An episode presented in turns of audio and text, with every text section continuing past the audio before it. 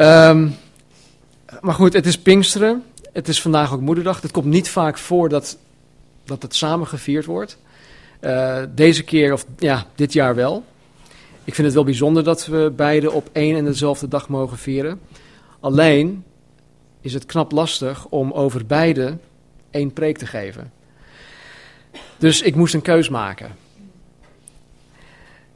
Wij hadden op zondag 18 februari 2007, is al heel lang geleden, uit Handelingen hoofdstuk 2 het Pinksterfeest reeds behandeld. En omdat ik vorig jaar op Moederdag beloofd had om dit jaar een Moederdagspreek te geven, wil ik vanmorgen toch iets delen wat heel specifiek te maken heeft met vrouwen in het algemeen en met moeders in het bijzonder. Dus als je vanmorgen een Pinksterpreek had verwacht, dan moet ik je in dat opzicht in ieder geval teleurstellen. Maar de preek uit Handelingen 2 van vorig jaar is wel opgenomen, staat op de website. Het is studienummer 7004. Je kan het niet missen. Nou, vanmorgen kijken we naar het laatste stuk van. Uh, of ja, het laatste stuk van het laatste hoofdstuk van Spreuken. En het is een gedeelte dat gaat over de sterke vrouw of de deugdelijke vrouw. Het staat niet in deze Bijbels. En sterker nog, um, ik, ben mijn, ik ben mijn andere Bijbel zelfs vergeten. Dus dat, uh, dat is niet zo slim. Wat ik gedaan heb, ik heb deze, deze teksten uit Spreuken 31, ik heb het in de grondtekst bekeken. Ik heb acht verschillende vertalingen opengelegd op mijn bureau om te kijken welke vertaling het het beste weergeeft. Er was geen enkele vertaling die het dus ja, echt allemaal weer kon geven zoals ik het had gelezen vanuit het Hebreeuwse tekst. Dus wat ik heb gedaan, en dit is misschien heel vervelend, maar uh, voor de duidelijkheid heb ik gewoon vers 10 tot en met 31 gepakt. En ik heb elk vers uit verschillende vertalingen genomen. Dus ik, als je wil, kan ik aangeven uit welke vertaling ik het heb genomen. Als je dat niet wil weten, is prima. Als je het echt per se wil weten, schiet me dan even aan na de dienst. Ik heb het allemaal genoteerd. Maar ik, om, om het ja, te laten blijven vloeien, ga ik niet steeds zeggen van... oké, nou vers 10 heb ik uit de Nieuwe Bijbelvertaling. Vers uh, die heb ik uit de Willybord-vertaling. Nee, dus ik, ik wil het wel laten vloeien. Ja? Um, alleen kan ik nu dat laatste stuk niet in het geheel lezen. Heeft iemand een, een echte Bijbel? ja, mag ik die... Uh...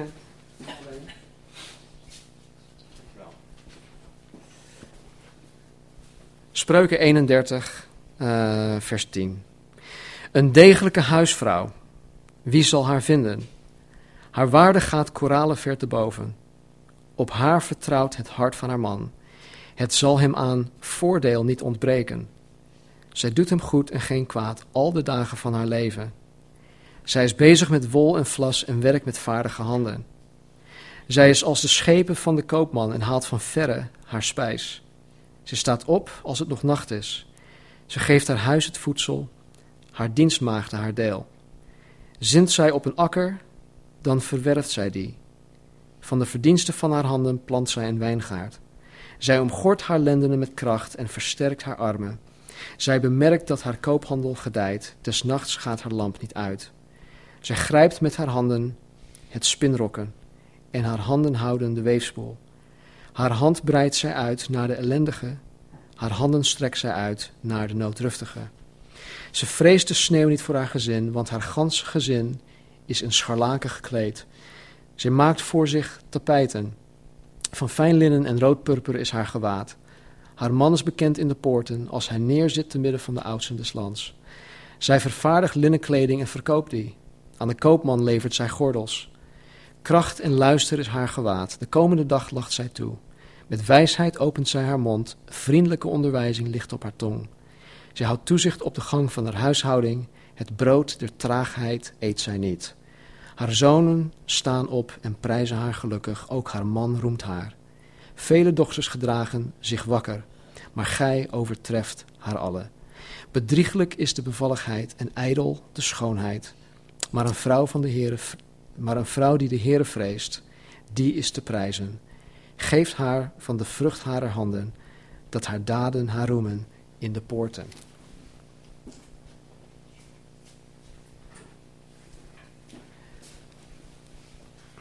In vers 10, daar beginnen we mee, staat een sterke vrouw. Wie zal haar vinden? Zij is meer waard dan edelstenen. De Bijbel spreekt hier van een sterke vrouw, van een deugdelijke vrouw, een degelijke vrouw, een goede vrouw. Dat wordt meteen in één vers, boom, neergezet. En dan de rest van dit hoofdstuk wordt besteed aan de omschrijving van deze deugdelijke vrouw. Dus jullie jonge mannen, als ik je even mag aanspreken, als je op zoek bent naar een vrouw, laat hoofdstuk 31 van Spreuken je leidraad zijn. Laat dat de criteria zijn waarop je of waarmee je te, te zoek gaat. Ik heb een aantal jaren geleden een jongenskring geleid in de Meerkerk. En het waren jongens die net 15 waren geworden. En we hadden het over relaties en over meisjes en seks. En ik had de vraag in de groep gegooid van jongens, wat voor, met wat voor meisje of met wat voor vrouw zou jij willen trouwen? Nou, dan kwamen er allerlei verschillende uh, woorden naar voren. Maar niks uit Spreuken 31. Het had voornamelijk te maken met, met haarkleur, haarlengte, bepaalde, met, met bepaalde rondingen en vormen. Maar jongens, dat vervaagt allemaal. Ik weet niet of je die, uh, ja, jullie hebben het vast gezien, die banner van mijn ouders op, op het feestje van uh, eh, 24 februari. Nou, mijn moeder, joh, die zag daar echt zo mooi uit, vind ik. Ze was 19 toen ze trouwde. Ze is nu 79, ze, bij, ze, wordt, bij, ze wordt, nee, ze is 79 nu. Als je er nu ziet, ze is nog steeds hartstikke mooi van binnen. Maar laten we eerlijk zijn, als je oud wordt, word je gewoon lelijk.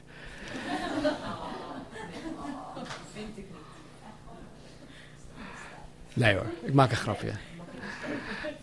Ik, ik ken heel veel oudere mensen, opa's oma's, die nog heel mooi... Trouwens, Kobe van, van Kik, dat is een hele mooie vrouw. Ze is ook uh, op wat oudere leeftijd, maar ze is trouwens een heel, hele mooie vrouw. Maar goed, de, de beauty, de schoonheid, dat komt van, van binnenuit. Hè? Het is niet ex extern. Je wordt minder strak, ja. Je wordt minder strak.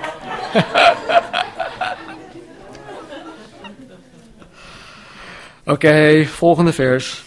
Um, wie zal haar vinden? Dit impliceert dat zo'n vrouw zeldzaam is. Wie zal zo'n vrouw vinden?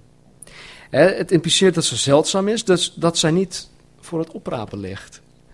Deze vrouwen die, die, die kom je niet al te vaak tegen. Wie zal haar vinden?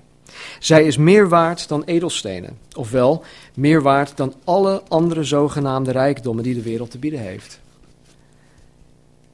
Het hart van haar man vertrouwt op haar en het zal hem, een winst, zal hem aan winst niet ontbreken.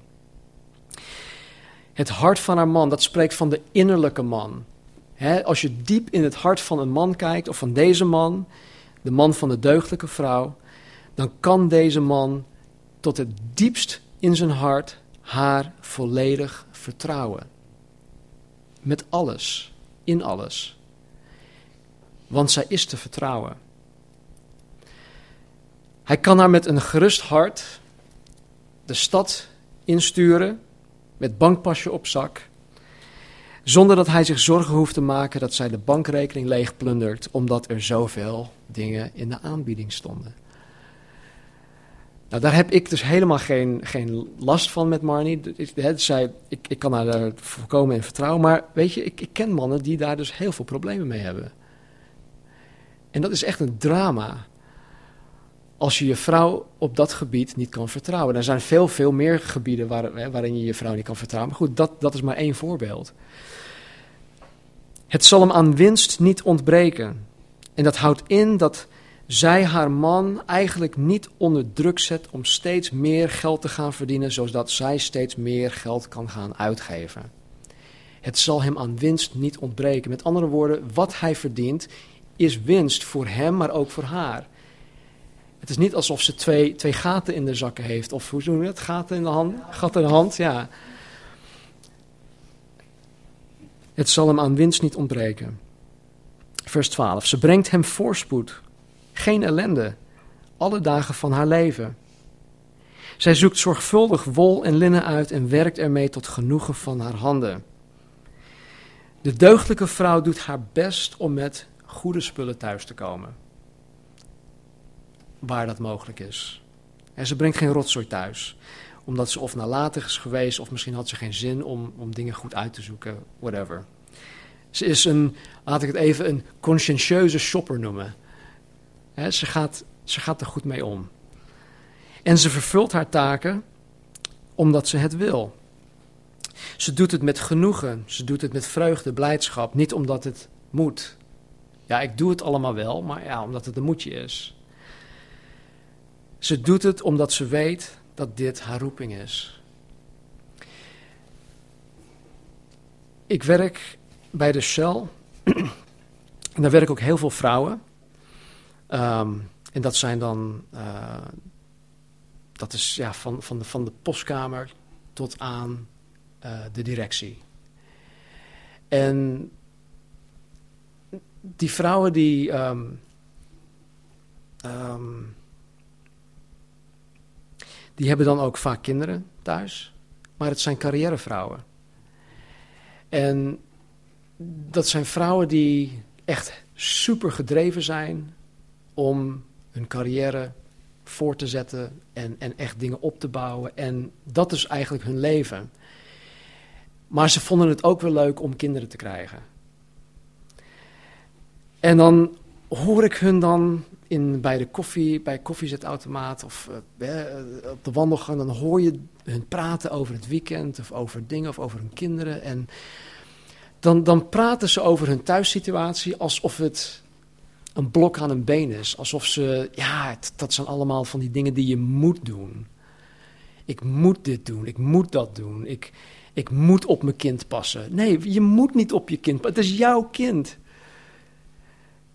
Je past toch niet op je eigen kind, je past op andere kinderen. Je bent toch geen oppas voor je eigen kind? Dat denk ik dan. Maar dat, dat hoor je. Ja, ik moet, ik moet dit weekend oppassen op mijn kind.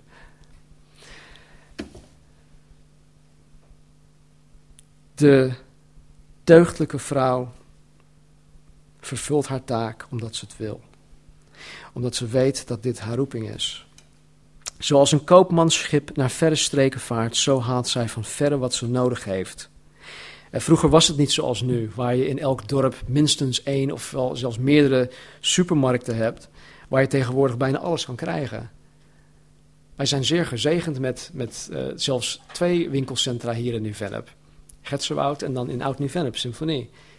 Volgens mij hebben we in Nieuw-Vennep, uh, bij Albert Heijn, C1000, Lidl, Aldi, Hoogvliet, uh, Dirk van den Broek. nou, minstens zes verschillende supermarkten. Maar zij moest dus als een koopmanschip naar verre streken varen om te halen wat ze nodig had. Ze moest lange afstanden afleggen om de nodige dingen in huis te halen. En ze was dus niet te beroerd om de boodschappen te doen. Ze staat op terwijl het nog nacht is, deelt proviand uit aan haar familie en geeft haar dienstmaagden het deel dat hun toekomt. Nou, wat ik hieruit haal is dat deze vrouw zeker niet lui is. Ze staat vroeg op, voordat de anderen in huis opstaan. Ze gaat al meteen aan het werk om ontbijt te maken, lunchpakketten te maken voor haar gezin, voor haar, voor haar bedienden. En ik geloof dat het hier niet alleen gaat om in de fysieke behoeften te voorzien van haar huishouden. Maar ik denk ook vooral om de hemelse manna te kunnen geven aan haar gezin. En ik geloof dat het ook een must is om vroeg op te staan, om van de Heer te kunnen ontvangen wat voor die dag weggegeven dient te worden.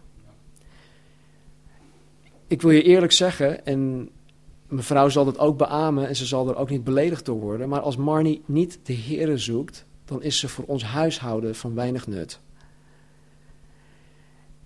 En dan bedoel ik niet dat ze, dat ze allerlei rare dingen doet of dat ze haar taken niet vervult, maar ik weet meteen als, als zij bijvoorbeeld een, een maaltijd heeft gekookt zonder dat ze ervoor gebeden heeft.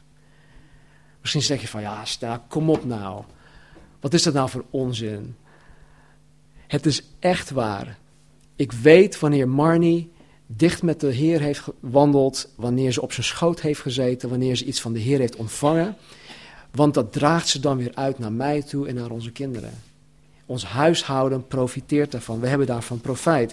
Wat hier ook staat in vers 1, nee, sorry, in vers 2. Um, ehm, even kijken hoor. Het zal hem aan winst niet ontbreken. Nee, ik kom daar nog. Is een ander vers verderop. Maar goed, ik weet dus wanneer Marnie zelf niks heeft ontvangen. Want dan heeft ze ook niks weg te geven. En ze kan haar, flink haar best doen op die dag. Ze kan zich echt inspannen. En dan doet ze zelfs, eh, nogmaals, ze doet geen rare dingen of zo, maar je merkt het, je proeft het verschil. Dus ik denk dat het goed is om.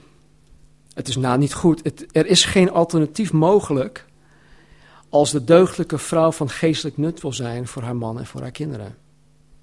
En niet voor niets spreekt de Bijbel zo vaak over het vroeg opstaan om de Heer te zoeken. En Jezus zelf is ons grote voorbeeld hierin. In Marcus 1,35 staat er: Vroeg in de ochtend, toen het nogmaal, nog helemaal donker was, stond hij op, ging naar buiten en liep naar een eenzame plek om daar te bidden. Als er één persoon was die hier op aarde ooit heeft geleefd, waarvan je kan, kan zeggen van ja, die, heeft, nou, die hoeft niet zo vaak te bidden, dan zou het Jezus wel zijn. Maar Jezus heeft meer gebeden dan elk ander mens die hier ooit op aarde heeft geleefd. En hij is ons groot voorbeeld daarin. En zo staat dus ook de deugdelijke vrouw vroeg op om de Heer te zoeken. Vers 16. Als ze haar zinnen op een akker zet, koopt ze hem. Van wat ze heeft verdiend, plant ze een wijngaard. Zij is vol daadkracht, onvermoeibaar is ze in de weer. Handeldrijven gaat er heel goed af. S'nachts gaat haar lamp niet uit. Haar handen rusten nooit, ze is altijd aan het spinnen of weven. De deugdelijke vrouw deinst absoluut niet terug voor hard werk. Ze is altijd effectief bezig. Diezelfde handen, vers 20, strekt ze uit naar arme mensen.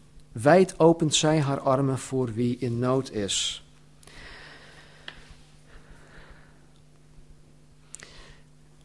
Mensen die hard werken,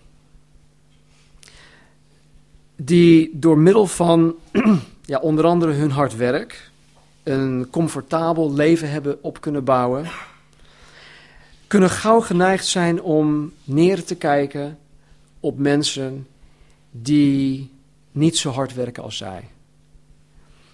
Mensen die niet geleerd hebben, mensen die arm zijn. Dat hoor ik ook vaak op mijn werk dan hebben ze iets bereikt, een bepaalde functie of status en een bepaalde levensstijl. Maar dan kijken ze neer op andere mensen en dan hoor je vaak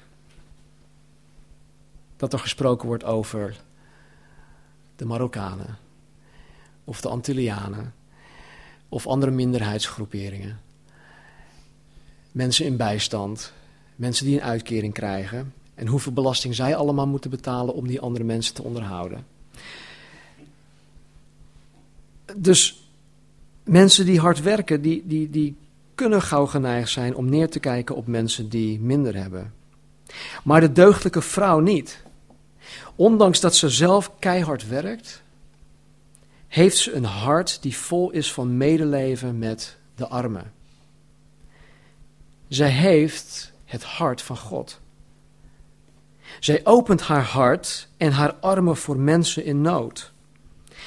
En dit betekent niet dat zij geld overmaakt op Giro 555. Dat is veel te makkelijk. Maar dat zij zichzelf wegcijfert omwille van mensen in nood. De mensen in nood waar hierover gesproken wordt, zijn mensen van de allerlaagste socio-economische stand. Als we daar even over nadenken, dan hebben we allemaal, denk ik, wel een beeld van wie die mensen zijn in onze eigen leefwereld, in onze eigen omgeving. Dit zijn mensen waarvan je totaal niets kan terugverwachten. Mensen die waarschijnlijk nooit in staat zullen zijn om een constructieve bijdrage te leveren aan de maatschappij. Dit zijn mensen die misschien zelfs sommige van ons eigenlijk niet in de Calvary Chapel willen hebben. Want ze leveren geen bijdrage. Ze kosten alleen maar een hoop tijd en energie en je krijgt er niks voor terug. Voor dit soort mensen opent de deugdelijke vrouw haar hart, haar armen. En ook met dit soort mensen deelt ze haar leven. Dit is het hart van God. Ook God opent zijn hart voor dit soort mensen. Hij verwelkomt dit soort mensen in zijn koninkrijk. Vers 21. Niemand in haar huis hoeft sneeuw te vrezen. Zij heeft hen allen warm gekleed. Wat ik hieruit haal, haal is ook dat zij goed voorbereid is op de storm. En ook geestelijk is de deugdelijke vrouw goed voorbereid op de stormen van het leven. En hoe kan je je voorbereiden op de stormen van het leven? Door vroeg op te staan, tijd met de Heer te besteden, gegrond zijn in Gods woord. Zo bewapen je jezelf tegen de stormen van het leven. Vers 22. Voor haar huis heeft ze prachtige tapijten gemaakt. Zelf gaat ze gekleed in linnen en purperrode wol. Nou, dit spreekt hier van pracht en van bescheidenheid. Linnen werd destijds gebruikt of gebleekt, waardoor het spierwit werd. En omdat het spierwit werd, het was het spierwit stof. Als het in de zon scheen, dan dat was het misschien verblindend. En waardoor het dus ook figuurlijk in de Bijbel gebruikt werd als zuiverheid en gerechtigheid. Er wordt wel eens gesproken over linnen en dan heeft het te maken met zuiverheid, gerechtigheid, met reinheid. Nou, alleen mensen van een hoge stand konden zich purperrode wol veroorloven. Dat was niet voor de, de doorsnee burger. Nou, als je nu naar ons koninklijk huis kijkt, onze koningin, Maxima. Als je kijkt hoe zij zich kleden, dan moet je bekennen dat onze koningin zich zeer deugdelijk en bescheiden kleedt. Sommige van jullie dames zeggen misschien, nou, het is hartstikke saai. Dat ziet er niet uit. Maar het is wel bescheiden. Het is deugdelijk. Je zal onze koningin, en dat zal je waarschijnlijk ook niet willen, je zal haar nooit in een kort rokje zien eh, rondlopen met, met hoogje hakjes of zo. Dus het is erg bescheiden. En zo kleedt de deugdelijke vrouw zich. Haar man geniet bekendheid in de stad. Hij vergadert met de oudsten in de poort. Nou, dit, dit is hele oude taal.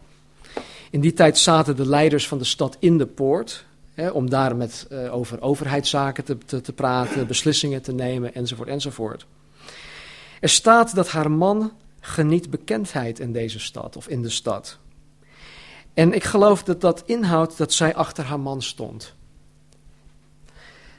Haar man kon zijn roeping uitoefenen omdat haar man of zijn man, omdat zijn vrouw achter hem stond.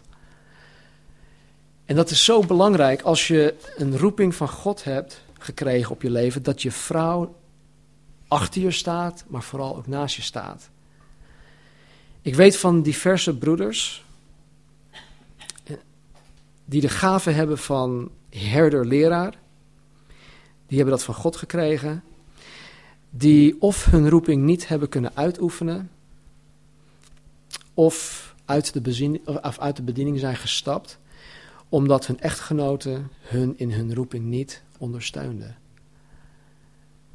En dat is zo zonde. Dat is zo zonde. Ik, ik zou dit niet zonder Marnie kunnen doen.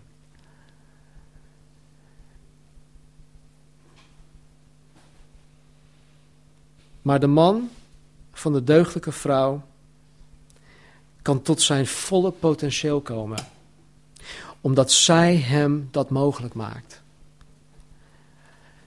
Zij dient hem en dit klinkt anno 2008 misschien heel raar, maar zij dient hem om hem in staat te stellen om zijn roeping of zijn bediening uit te oefenen.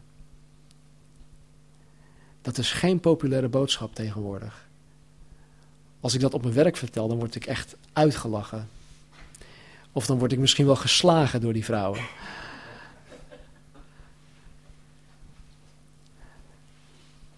Vers 24. Zij vervaardigt kleding en gordels en levert die aan kooplui. Kracht en waardigheid zijn haar gewaad. Ze ziet lachend de komende dag of de komende tijd, dagen tegemoet. Ze spreekt wijze woorden, wat ze zegt zijn liefdevolle lessen. Ik zei het zo even ook al, maar ik zeg het nog een keer. Ik geloof dat wanneer iemand hun eigen leven, hun eigen zaken op orde heeft, wanneer iemand zelf gedisciplineerd is, wanneer iemand zelf hard werkt en bekwaam is, dan kan die persoon helaas zelf voldaan, veroordelend naar anderen kijken. En dat vind ik wel weer zo mooi. Bert had het hier ook over vanmorgen, over hoogmoed. Hij wist, nog, eh, hij wist niet waar ik het over zou hebben. Marnie wist zelfs niet dat ik het over spreek en niemand wist het, alleen God. Maar goed, ik wist ook niet van hem waar hij het over zou hebben vanmorgen. dus dan zie je weer dat God het toch achter de schermen regisseert. Dus dat is uh, mooi om te zien en het is ook goed om te noemen. We moeten daarbij stilstaan bij dit soort dingen.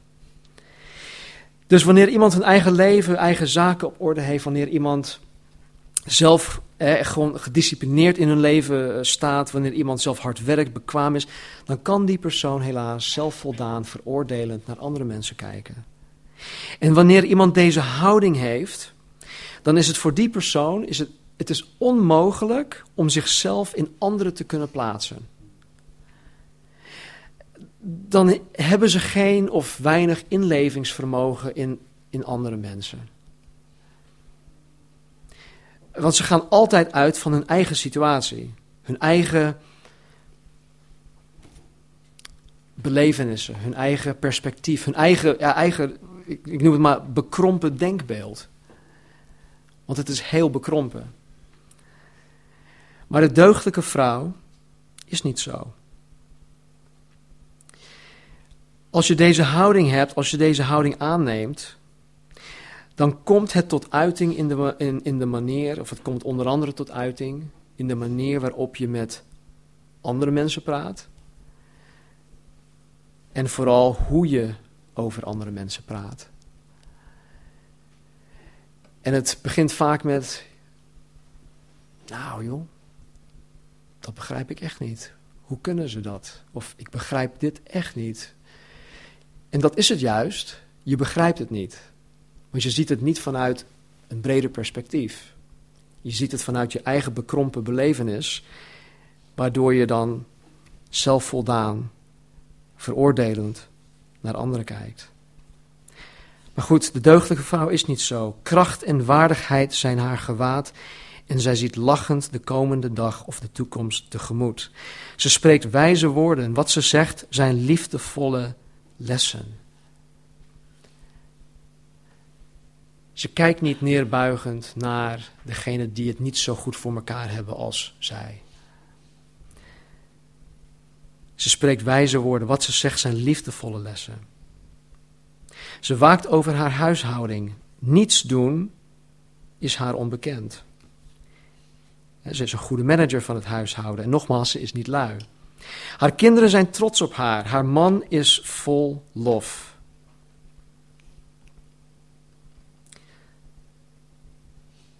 Het lijkt me afschuwelijk te zijn als je je moet schamen voor je eigen moeder of voor je eigen vrouw. En toch gebeurt dit. Ik ken genoeg mensen die zich schamen voor hun moeder of voor hun vrouw. Maar de kinderen van de deugdelijke vrouw zijn trots op hun moeder. Ze noemen haar gezegend en haar man is vol lof. Weet je, het is, het is zo ontzettend kostbaar. En het is ook een bijzondere getuigenis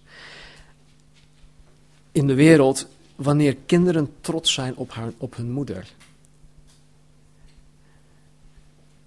Wanneer tienerdochters, hè, waarvan je het, het echt niet zou verwachten, wanneer tienerdochters zeggen dat wanneer zij getrouwd zijn en kinderen hebben, dat zij willen zijn zoals hun moeder. Dat is zo kostbaar. Het is ook een bijzondere getuigenis in deze wereld wanneer een man vol lof is van zijn vrouw. En over het algemeen spreken meeste mannen slecht over hun vrouwen. Luister maar naar de cabaretiers. Als ze het over trouwen hebben, of over relaties met een vrouw of hun vrouw. Dan is het altijd, ja, mevrouw, dan, dan praten ze altijd kwaad of slecht over hun vrouwen. Maar over het algemeen spreken meeste mannen slecht over hun vrouwen. En dan kan je jezelf afvragen, ja, maar ligt dat dan aan de man of aan de vrouw? Is die vrouw dan ook zo slecht? Of is die man dan zo slecht dat hij dat doet? Een deugdelijke vrouw, wie zal haar vinden? Maar als je goed spreekt over, over je vrouw, als je met enthousiasme vertelt over hoe lang je getrouwd bent, hoeveel je van elkaar houdt, hoe trots je bent op je vrouw, dan opent dat een deur om te vertellen waarom jij zo gelukkig bent. En dan hoef je geen dingen te gaan verzinnen. Je hoeft aanstaande dinsdag niet naar je werk toe te gaan en denken: Oh, oké, ik wil deze preek toepassen. Even kijken, wat kan ik, waar kan ik het over hebben? Uh, jongen, jongen, even goed nadenken.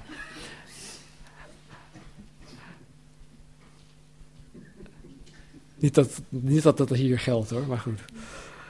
Maar je hoeft, niet, je hoeft niet dingen te gaan verzinnen. Het komt er vanzelf uit. Haar kinderen zijn trots op haar, haar man is vol lof. Er zijn meer goede vrouwen, zegt hij dan, maar jij overtreft ze allemaal. Charme is bedrieglijk en schoonheid vergaat. Je wordt wat minder strak. Maar een vrouw met ontzag voor de Heer moet, of het staat beter vertaald, een vrouw met ontzag voor de Heer zal worden geprezen. Dat zij de vruchten mag plukken van al haar werk, laat heel de stad haar naam met ere noemen. Misschien heb je zoiets nu van, als meisje of als vrouw of als moeder zijnde, dat je dit nooit in je leven zou kunnen zijn. dit is niet reëel. Dit kan ik nooit zijn, dit kan ik nooit worden in mijn leven. Als je dat denkt, dan is dat goed. Want ik heb goed nieuws voor je. We weten niet, en dat, ik weet niet of ik het in het begin al had gezegd, maar we weten niet of Salomo deze spreuk had geschreven. We weten niet met alle zekerheid. Maar als Salomo dit wel heeft geschreven, dan denken sommige theologen dat hij dit over zijn moeder Bathseba heeft geschreven. Bathseba was in het begin verre van een deugdelijke vrouw. Maar God heeft haar hart, God heeft haar leven veranderd. En als God dit met iemand zoals Bathseba kan doen, dan kan hij het ook met een ieder van jullie dames doen. Hoe jong of hoe oud je ook bent. En als je niet, wie, weet wie Bathseba is, lees 2 Samuel hoofdstuk 11 en 12. Nou, het goede nieuws is dat wij vandaag ook Pinksteren vieren. De dag dat de kerk geboren werd, de dag dat uh, de Heilige Geest uitgestort werd op allen die in Jezus geloofden. En omdat Pinksteren is gekomen, kunnen de dames kracht ontvangen, dag op dag, om je door God te laten veranderen. Pinksteren stelt de dames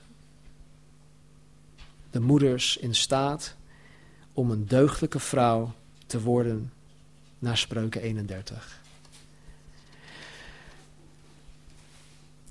Als ik even kijk naar mijn eigen moeder en als ik heel ver terugkijk naar mijn eerste herinneringen van mijn moeder en dan tot op de dag van vandaag, dan zie ik heel veel van Spreuken 31 terugkomen in mijn moeder. En dit zelfs ondanks dat zij niet wist wat Spreuken 31 inhield. Ik denk niet dat zij in haar vroege dagen bekend was met dit schriftgedeelte. En toch heeft ze, heeft ze daarnaar geleefd. Begrijp me niet verkeerd, mijn moeder is niet volmaakt. Maar ze streeft er wel, nu met de kennis die ze nu heeft, streeft ze er wel naar om die spreuken 31 vrouw te worden. En ze is nu 79. Als ik kijk naar mijn eigen vrouw, de moeder van mijn kinderen, dan zeg ik met heel veel vreugde, met heel veel trots, dat ook Marnie een deugdelijke vrouw is. Dat ze op weg is om te worden zoals het hier omschreven staat. Als je Spreuken 31 leest, dan zie ik karaktereigenschappen van Jezus Christus. Dan zie ik um, ja, eigenschappen, karaktereigenschappen van Jezus Christus. En als wij, zowel mannen als vrouwen, door de Heilige Geest van, van dag tot dag veranderd worden naar het evenbeeld van Christus, dan zullen ook wij, zullen ook de vrouwen, de dames, veranderd worden naar het evenbeeld van Jezus, maar ook naar het evenbeeld van Spreuken 31. Maar je moet het wel willen. Ik word niet zo zomaar of vanzelf als Jezus. Dat gaat niet. Ik moet het ten eerste willen en ik moet mijn leven daarvoor neerleggen. En dat geldt ook voor Spreuken 31. Dus als jullie vrouwen dit willen toe-eigenen, dan is het, denk ik, um, what's, what's the word? Um, it's honorable. Eerbaar, ja? Oké, dan is het een eerbaar verlangen. Om dit te willen toe-eigenen. Om te willen worden zoals een spreuken 31 vrouw. Nou, gelukkig. Of gelukkig. Ja, ik vind het gelukkig. Zie ik ook deze dingen terug in de dames van de gemeente. De een is iets verder dan de ander, maar het ontbreekt onze gemeente niet. Dus we zijn goed bezig. God is goed bezig. En laat je absoluut niet ontmoedigen door deze tekst van, joh, de lat ligt veel te hoog, dit kan ik nooit bereiken. Dat kunnen jullie ook niet, maar God in je absoluut wel. Hij is bij machten om jullie dames, jullie moeders, jullie echtgenoten een spreuken 31 vrouw te maken. En hij is ook in staat om ons mannen een spreuken 31 man te maken. Laten we bidden. Vader, ik dank u voor het feit dat ik een moeder heb, heren, die, of waarin ik heel veel van deze tekst in terug kan zien. Ik dank u, Heer, voor mijn vrouw Marnie. Ik dank u, Heer, dat ik trots mag zijn op haar. Ik dank u, Heer, dat ik ook met veel enthousiasme over haar kan vertellen. En ik dank u, Heer, dat u haar aan mij gegeven hebt. Heer, de vrouw van mijn jeugd. De moeder van mijn kinderen. Heer, het is mijn gebed dat Onze, onze vier meiden, Christine, Ashley, Liz en Kendall. Zo zullen worden, Heer, als, als hun moeder.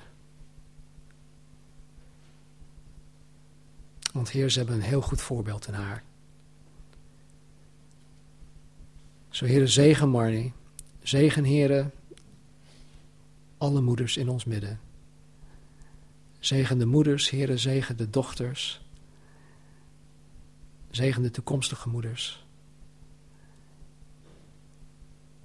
En Heer, laat geen enkel persoon vanmorgen ontmoedigd deze ruimte verlaten, maar juist bemoedigd dat Pinksteren gekomen is om ons te doen veranderen naar het evenbeeld van Jezus Christus. Van glorie tot glorie. Help ons, Heer, help ons om dat te willen. Help ons om onszelf daar geheel aan over te geven. Ons leven neer te leggen voor U en voor anderen. Dat is dienen. Dat is U dienen. Dank u wel, Heer. Waar we het moeilijk hebben, Vader, kom ons tegemoet. Heer, waar we, waar we het moeilijk hebben, waar het nodig is, waar de moeilijkheden nodig zijn om ons te vormen, ga vooral door.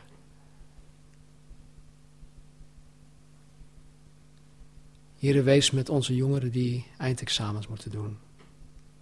Geef een kracht, Heer. Geef een inzicht tot alle leerstof die ze tot nu toe geleerd hebben. Geef een vrede, Heer, die alle kennis en verstand te boven gaat. Laat hen niet gestrest zijn of overspannen. Maar Heer, dat ze in alle vertrouwen, vertrouwen op U, Heer, in alle, gerust, in alle rust de examens mogen afleggen. Zegen ons, Heer, deze dag. Dank u wel voor het warme weer.